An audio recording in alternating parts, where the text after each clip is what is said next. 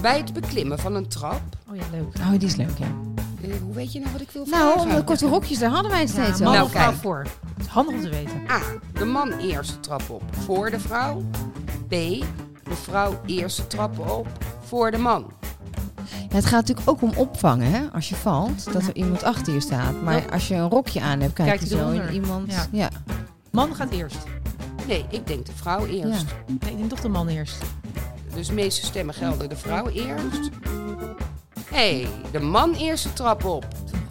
Want dit is om te voorkomen dat de man ongepaste blikken kan werpen op de vrouw.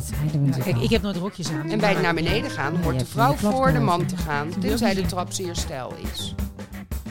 Dan kan die er natuurlijk opvangen. Ja, ja, dat bedoel ik. Jullie zaten wel Dus naar beneden gaan wij, gaan wij voor. Maar het was niet goed. Maar Clarice krijgt een punt en wij niet. Maar misschien is het ook wel leuk als een man even kan kijken, toch? Ja, Justine, we hebben het nu over de etiket. Etiketten. Oh ja. Nee, we gaan nu niet allemaal voor alle antwoorden. Ja, maar het kan toch ook dat dat? Nee, dat gaat natuurlijk niet. Ik ben Bridget, mega succesvolle aanster. Het leven lacht me toe. Ik heb alles: een kind, een auto, een huis, een glansrijke carrière. Het enige dat ik nog mis is een podcast. Maar daar komt nu verandering in. Samen met Justine en Clarice.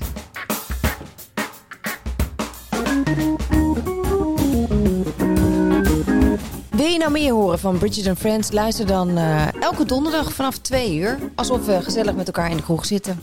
Ik hoop dat je erbij bent. Tot dan!